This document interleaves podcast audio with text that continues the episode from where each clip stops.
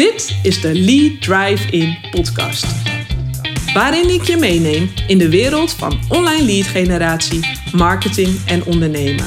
Vol wake-up calls, behind-the-scenes stories en inspirerende interviews met ondernemers die hun geheime prijs geven over hoe zij nieuwe leads en klanten aantrekken.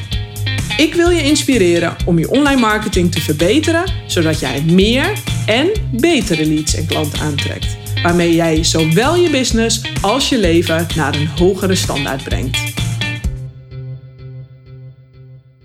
Hey, hallo, Wendy hier. Leuk dat je weer luistert. Van de week gaf ik training. Ja, ik gaf een live dag voor de Lead uh, Drive-In uh, groeitraject.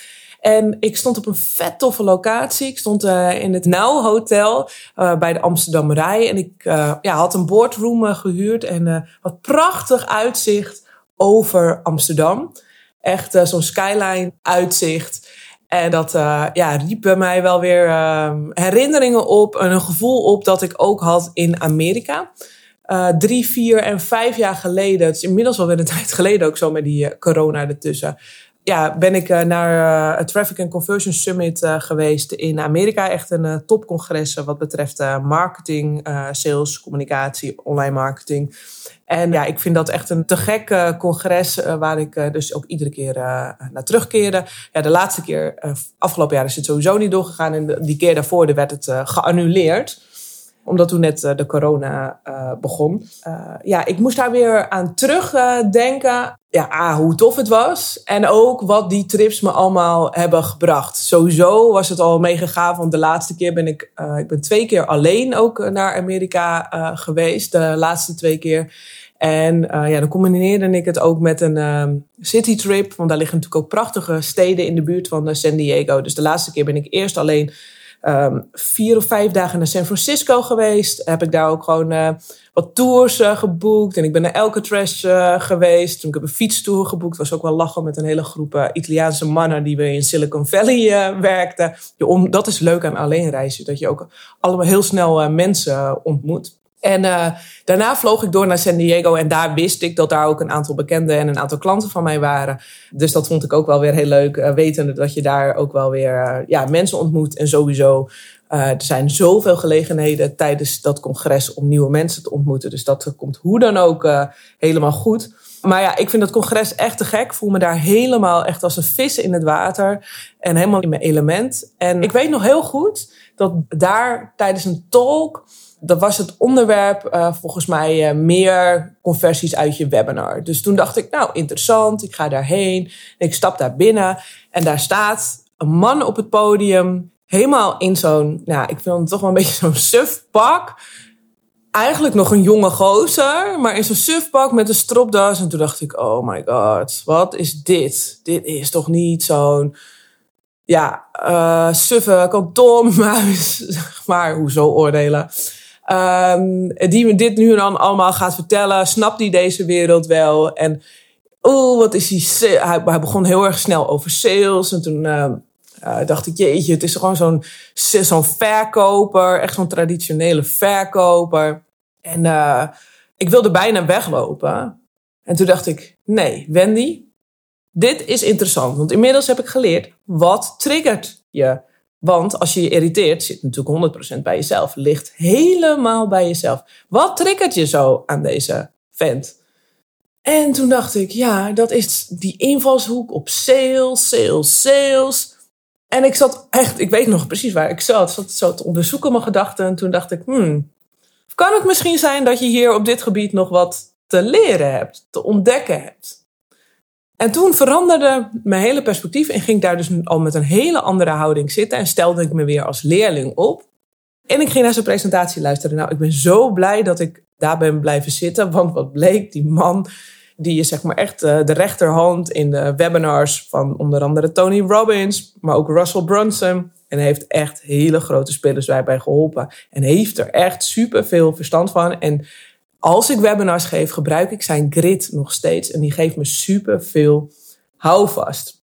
Maar ik moest wel echt uh, even schakelen. Ik moest echt even kijken van, oké, wat triggert me hier nu bij die man? Omdat hij meteen ook begon, ja, ik heb dit en dit verkocht. En uh, nou ja, het was dus heel interessant uh, wat daar gebeurde. En misschien herken je het ook wel dat je misschien naar mensen kijkt, uh, collega's, anderen in je vak, dat je denkt van, hmm, ze zijn eigenlijk lang niet zo goed als mij, maar waarom verkopen ze dan wel zoveel? Mijn product is veel beter, ik heb veel meer ervaring.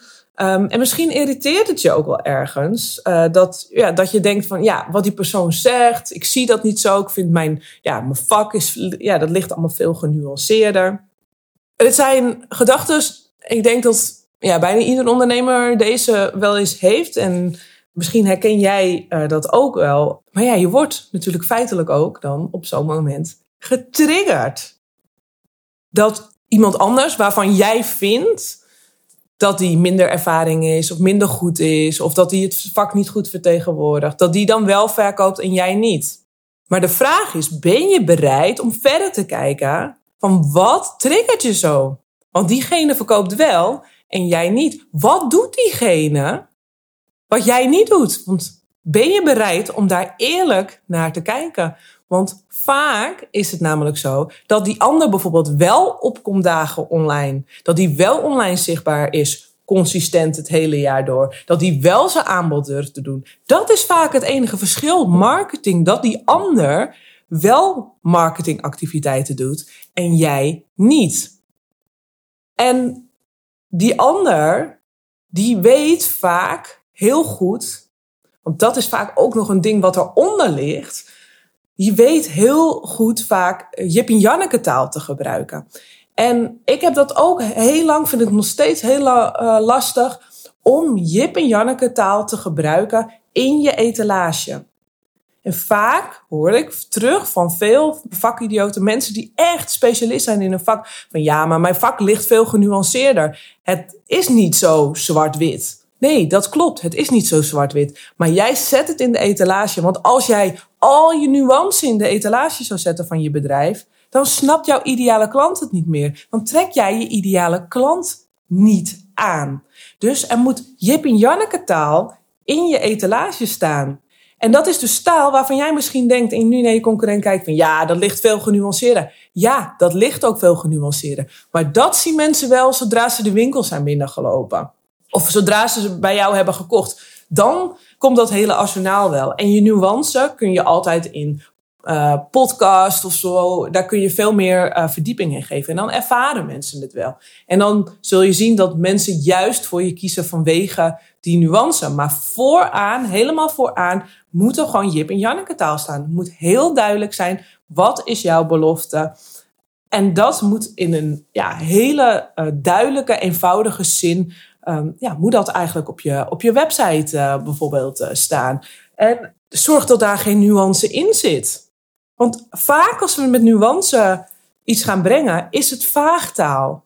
En dan komt het niet aan bij jouw ideale klant. Daar is Jip en Janneke taal voor nodig. Daar is duidelijke taal voor nodig. Jip en Janneke zijn ook herkenbare, simpele verhalen, eenvoudige verhalen die iedereen begrijpt. En dat heb je ook in de etalage te zetten. Herkenbare, simpele verhalen die iedereen begrijpt. En vervolgens, als iemand klant bij ze is, dan trek jij je hele package open en dan kun je helemaal los. En ik heb dit ook ervaren, bijvoorbeeld, um, nou, inmiddels natuurlijk alweer eh, even terug, maar met mijn social advertising bureau. Voordat ik dat begon, was ik online marketeer. Deed ik van alles. Deed ik SEO, CA, zeg maar. Deed ik dat, de uitvoering. Deed van alles. Ik uh, ging teksten schrijven. Alles kon ik uh, voor je doen. En op een gegeven moment koos ik ervoor om voor Facebook adverteren te gaan als specialisatie. En toen ik koos voor, oké, ik bied als dienst aan dat jij je Facebook advertenties bij mij kunt uitbesteden. Toen werd het in één klap duidelijk voor mensen, hey, hiervoor kan ik bij haar terecht. Super simpel, super overzichtelijk. Maar ik weet nog heel goed dat ik ook op dat moment dacht van ja, maar ik kan toch wel veel meer dan alleen Facebook marketing. Want ik heb vet veel campagneervaring. Ik heb een onwijs grote campagnes altijd gedraaid. Voor grote landelijke partijen ook. En dacht ik, ja, dan ga ik toch niet alleen Facebook ads uh, doen. Maar ik ben super blij dat ik dat heb gedaan. Want doordat ik koos, kon ik ook gekozen worden. En het heeft ervoor gezorgd uh, ja, dat dus mensen dus naar me toe kwamen Maar waar maakte ik nou het verschil mee? Waarom bleven mijn klanten? Juist omdat ik die brede achtergrond had. Juist omdat ik die nuance had. En nou ja, sommige klanten zeiden ook omdat ik dan geen plat marketingbureau was, maar juist strategisch mee kon denken. Dus, maar dat ervaarden ze volgens dus in mijn winkel, zeg maar. Als ze dan hadden gekocht, ervaarden ze dat. Dus wees niet bang om Jip en Janneke taal aan de voorkant neer te zetten. Wees daar gewoon niet bang voor, want de rest komt wel. Dat komt daarna wel. Je hoeft niet alles wat je weet vooraan in die etalage te zetten. Denk heel goed na, wat is het verlangen? Welk resultaat wil mijn klant? Welk resultaat is dat? Zet dat in je etalage, dat je daarbij kunt helpen. De rest, al die nuances daarin, dat boeit gewoon niet.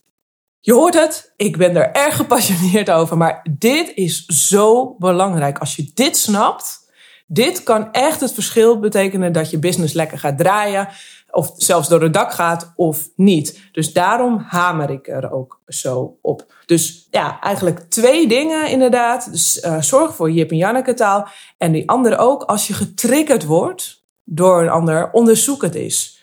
Onderzoek of je dezelfde dingen doet. En ook wat, wat triggert je eraan? Is dat puur het aanbod? En wees ook eerlijk naar jezelf. Hè? Doe jij ook de dingen die die ander doet? Of laat jij misschien wel dingen liggen? Doe jij dingen niet eh, die de ander wel doet en die je eigenlijk wel zou moeten doen? Want soms is het zo simpel als dat. Als je dan bijvoorbeeld ook meer zichtbaar zou zijn of jouw lead drive-in systeem zou neerzetten, zodat er nieuwe leads in kunnen stromen en die omgezet worden door klanten. Als je daar een systeem voor hebt, dan kan het al zo zijn dat ook voor jou de hele wereld al gaat veranderen. En denk je nu, nou, ik vind dat best wel lastig uh, met dat aanbod. Ik zie niet zo goed wat er dan in mijn etalage moet. En ik wil daar wel mee aan de slag. En ik wil ook wel graag aan mijn lead marketing strategie werken.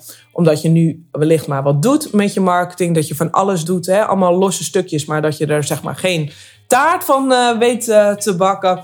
Check dan even mijn site en kijk even naar de Lead Drive-in groeitraject. Want de deuren zijn weer open van het Lead Drive-in uh, groeitraject. En daarin werken we samen aan een systeem waarmee jij keer op keer nieuwe leads en nieuwe klanten aantrekt. Vond je deze podcast tof? Abonneer je dan eventjes. En ik wens je dan voor nu nog een hele mooie dag. Lekker knallen en tot de volgende podcast.